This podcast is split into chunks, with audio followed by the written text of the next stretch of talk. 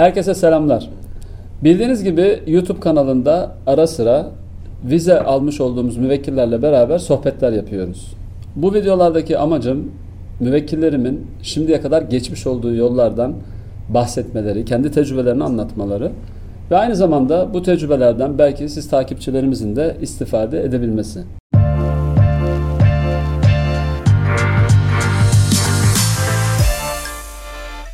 Bugün Efe Bey ile beraberiz. Efe Bey benim Orlando'da bir müvekkilim. Kendisi masada da gördüğünüz e, Hindistan cevizi suyu satışıyla, coconut sale'la E2 aldığımız bir müvekkilimiz. Bir franchise usulüyle bunu aldı. Bir yandan burada ben bir seminer için, bir konferans için gelmiştim e, iş amacıyla. E, gelmişken de Efe Bey'i bir ziyaret etmek istedim yerinde. Aynı zamanda işini ziyaret etmek istedim ve kendisini ziyaret etmek istedim. Hem güzel ailesiyle bizi ağırladı. Kendisiyle hoş bir sohbetimiz oldu. Bir yandan da e2 vize süreci hakkında konuşmak istedim. Türkiye'deki serüveni, buraya nasıl geldi, nasıl E2 aldı. E, kısaca bunlardan bahsetmek istedik. Efe Bey de sağ olsun beni kırmadı. Birlikte bir sohbet yapmaya karar verdik. E, selamlar Efe Bey, nasılsınız? Sağ olun, hoş geldiniz diyelim Orlando'muza. Hoş bulduk. Evet, büyük bir yağmur, sel ve evet. gerçekten de nemli bir havayla karşıladı ama e, ben yabancısı değilim. E, New Orleans'ta yaşamıştım ben de bir sene.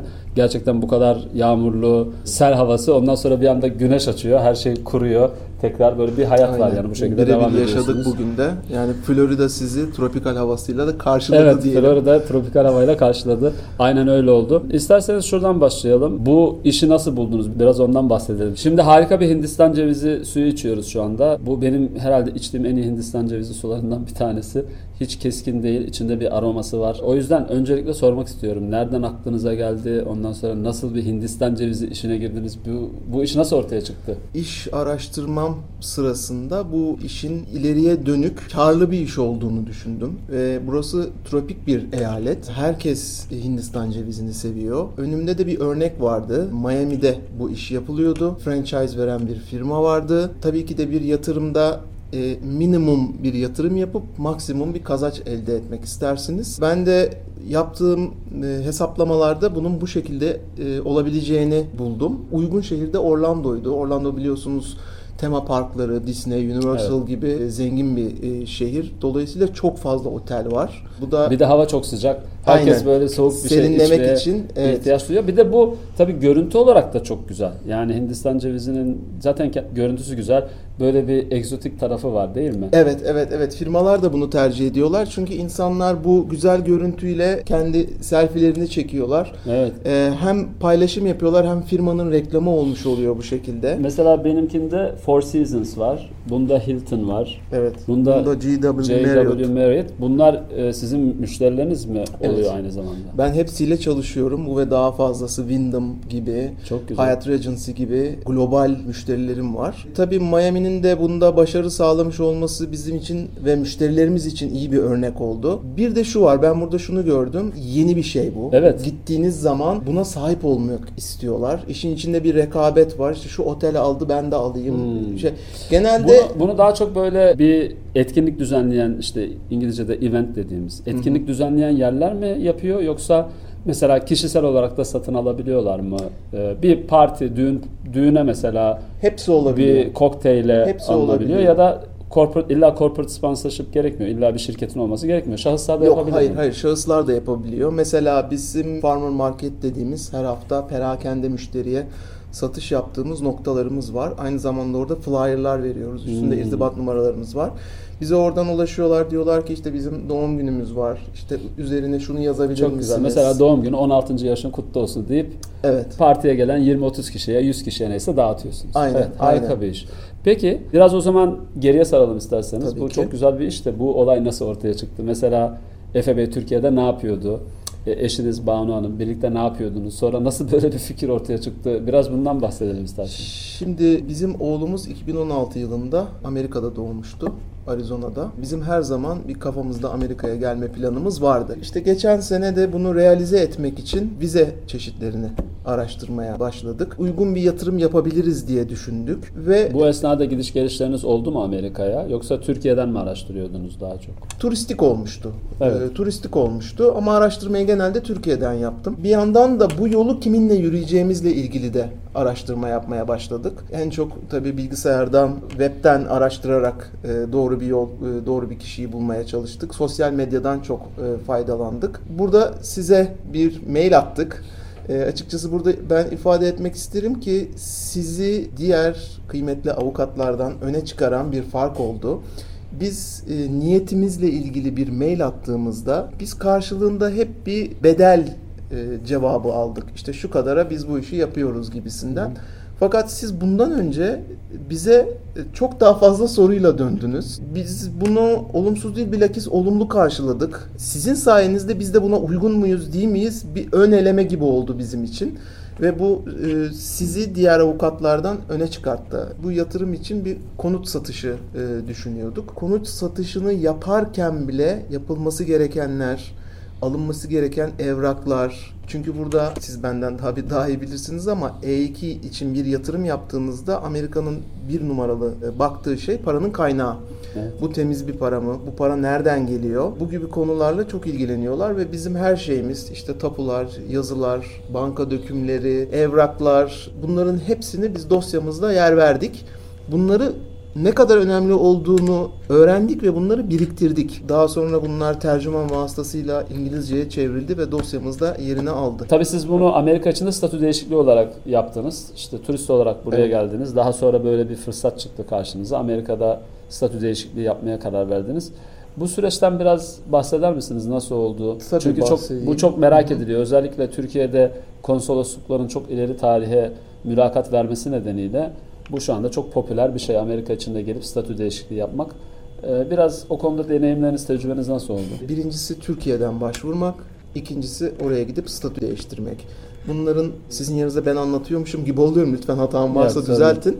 Ee, ama biz de dersimize çalıştık yani. Oraya gittiğimizde statü değişikliği yaptığınızda Türkiye'den başvuru yapmanın bazı riskleri var. Yani Amerika bunu çok sevmiyor fakat olmayacak bir şey değil. Türkiye'deyken işiniz neydi? Buraya niye gelmeye karar verdiniz?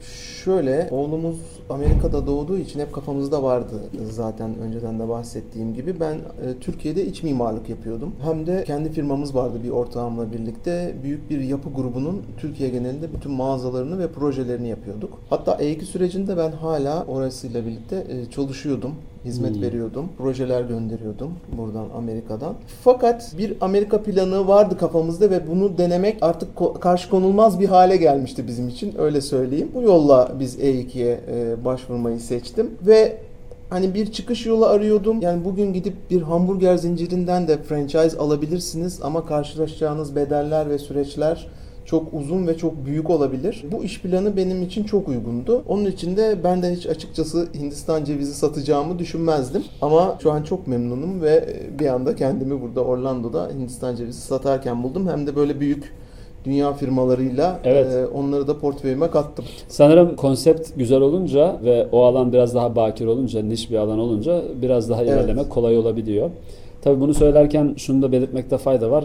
Bu işlerde biraz sabırlı da olmak gerekiyor aynı zamanda. Yani hemen karşınıza istediğiniz gibi bir şey çıkmayabilir. Evet. Yani Mesela sizin böyle bir size- şeyi toparlamanız ne kadar sürdü? Buna karar vermeniz, evet iş budur demeniz ve akabinde bizimle irtibata geçmeniz. Şöyle söyleyeyim biz ne zaman başladı? Kağıdı kalemi elimize aldığımız tarihle Amerika'ya geldiğimiz tarih arası herhalde bir 4 aylık bir süreçti. 4 Evet. ay içinde hızlıca çok harekete geçtik. Çok kişi de bunu bilmiyordu. Hatta şöyle söyleyeyim, e, annem bile bilmiyordu. E, annem her zaman kafamızda bir Amerika macerası olduğunu biliyordu ama biz işte sahip olduğumuz konutu satıp bu yola baş koyacağımızı ben açıkçası ağzımdan kaçırdım. Evet böyle öğrenmiş oldu. Enteresan oldu. Ne nasıl yani falan oldu.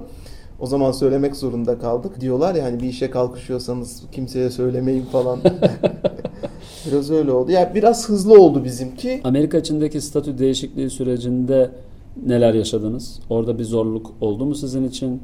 Yoksa e, her şey yolunda mıydı? Bizim tabii ki ilk tercihimiz Türkiye'den başvurmak ve dilediğimiz gibi giriş çıkış yapmaktı. Fakat dediğim gibi buranın avantajı büyüktü. Burada gelip statü değişikliğini yapmaya karar verdikten sonra ben biraz süreçteki sıkıntılardan da bahsedeyim. Belki sizinle çok alakalı değil ama insanların karşılaştığı en büyük sorunlardan biri ev kalacak evet. yer. E biz ben bekar bir erkek de değilim. Hani bir o, birinin bir odasını tutayım falan gibi bir durum da yok. Bir diğer çok önemli konu burada şirkete koyduğunuz yatırım bütçesiyle özel hayatınıza ayırdığınız bütçenin birbirinden bambaşka olması. Evet. Biz orada ona çok dikkat ettik. Yani şirketin parasını asla kendi özel harcamalarımız için kullanmadık. O paraya hiç dokunmadık. Şirketin parası şirketin yatırımı için sadece kullanıldı. E, bu da tabii ilk yatırım maliyetimizi biraz parçaladı. Şöyle bir şey yaptık. Şirket parasıyla aracımızı satın aldık sadece.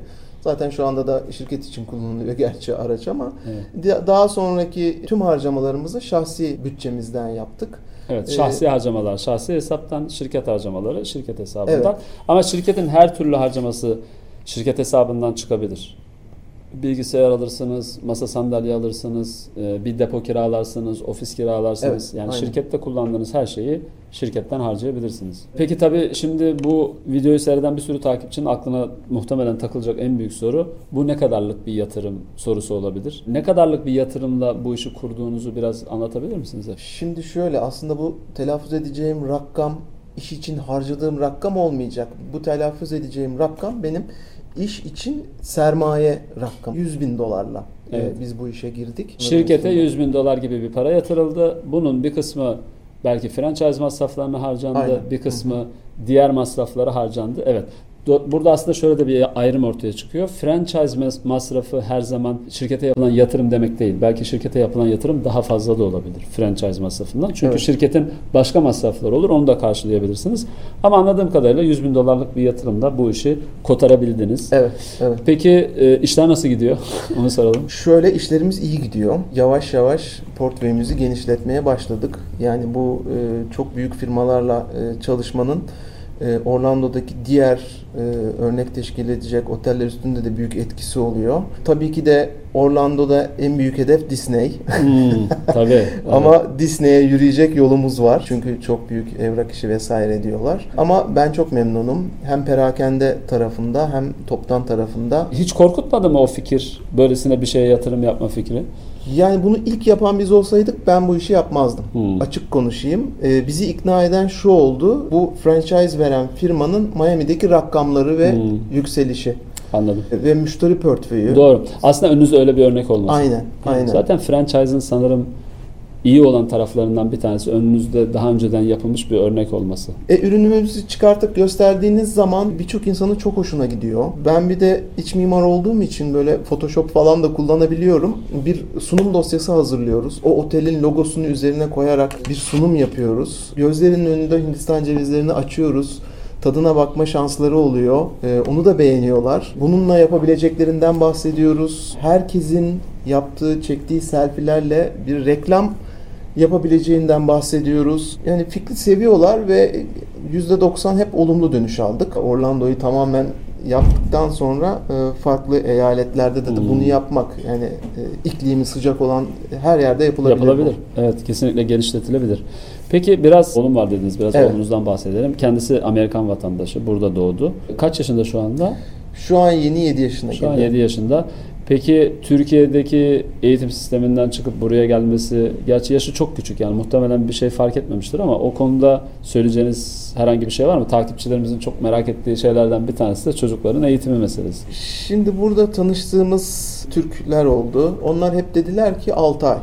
6 aya ihtiyacınız var tamamen taşların yerine oturması için oğlunuzda. İlk başta biraz zorlandık. Kendisi zorlandı. İşte öğretmeniyle anlaşamadı. Bir de Florida'nın şöyle bir dezavantajı var. Çok fazla Güney Amerikalı var. İspanyolca. Evet, İspanyolca karşımıza çok çıktı. Çünkü onun buraya gelene kadar ki okulunda iyi kötü bir İngilizce öğreniyordu ama İspanyolca biraz bizim önümüze çıktı.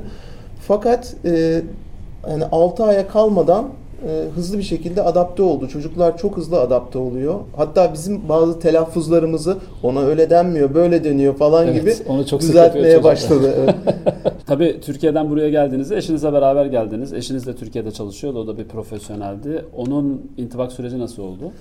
Şimdi aslında bu intibak sürecini ikimiz birlikte e, yaşadık. Amerika'ya adaptasyon konusunda bir sıkıntı çekmedik. Çünkü yani buraya adapte olmak kolay. Kolay bir de önceden gidip gelmiştiniz. Evet. Zaten kafa olarak hazırdınız. Adapte olmak, insan rahata kolay adapte olabiliyor. Aynen, Öyle bir şey var. aynen. Bu arada e, belki görmüşsünüzdür benim e, Hindistan cevizindeki şemsiye falan uçtu bir kenara gitti. Çünkü içindeki su bitti. Ben bayağı içine daldım, yemeye başladım. Afiyet olsun. Bu arada bizim kameranın şarjı bitti. O arada Banu Hanım'la da e, sohbet etme imkanımız oldu. Kendisinin pazarlamacı olduğu çok belli. Çünkü bana öyle bir anlattı ki buradan franchise alıp Size az kalsın franchise veriyorum. o noktaya geldik. Şöyle bir şeymiş bu. E, kokonatlar çok gençken, e, yani çok 6 aylıkken kopartılıyormuş dalından. Ağaçtan. Evet. E, dolayısıyla içinin çok taze olmasının sebeplerinden bir tanesi o. Ve aynı zamanda benim videolarda çok söylediğim bir şey var. Onu söyledi Banu Hanım. Ben diyorum ki beğendiğiniz, yapmak istediğiniz, sabah kalktığınızda gitmek istediğiniz işi yapın. Çünkü E2'nin alınması değil, sürdürülebilir olması da önemli. Fizibiliteden sonra ilk iş mutlaka, belki daha öncesinde ilk iş mutlaka bir avukatla Evet. çıkılmalı. Peki acı örnek dediniz. Sonra isterseniz onunla kapatalım. Yani acı örnekten kasıt mesela neyi yapmamışlar da ne olmuş? İşte parasını getirmiş, işini kurmuş, büyütmüş, 20 bin, 30 bin dolarlık e, bir yatırımı 40 milyonluk şirketlere çevirmişler.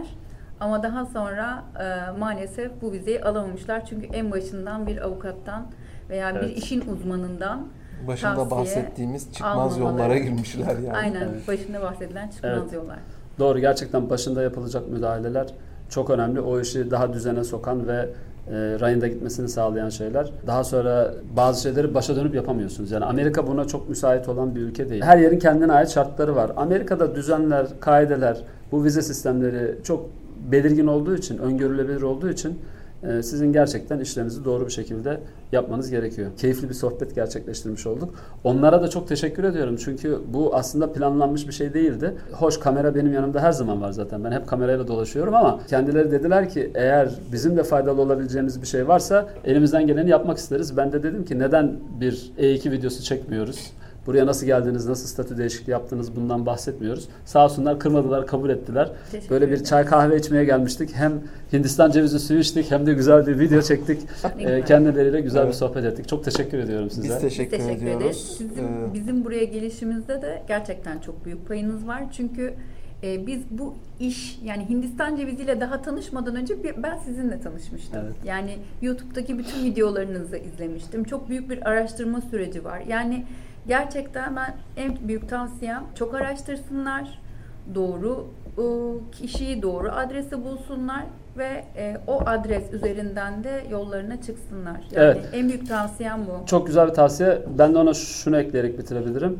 Avukatla konuşmak çok önemli. Evet ilk baştan konuşmak çok önemli ama, ama aynı zamanda sizin bağımsız olarak ne işi yapacağınızla alakalı yapmış olduğunuz araştırma da çok önemli. Mesela bize gelip biz ne iş yapalım diye sorduğunuzda tabii ki bizim bazı tavsiyelerimiz oluyor. Ee, ama bu hiçbir zaman şu boyutta değil. Yani şu işi yaparsan alırsın, bu işi yaparsın boyutunda değil. Sizin gerçekten kendinizin yapmak istediğiniz işi bulmanız e, ve bunu tespit etmeniz bu bence çok giderek gelerek biraz Amerika'da vakit geçirerek oluyor diye düşünüyorum. Yani hem Kesinlikle. internetten araştıracaksın evet yapmak istediğin işlere bakacaksın ama bir yandan da gidip gelip ben ne yapabilirim ne iş yaparsam mutlu olurum kısmı da bence bayağı önemli.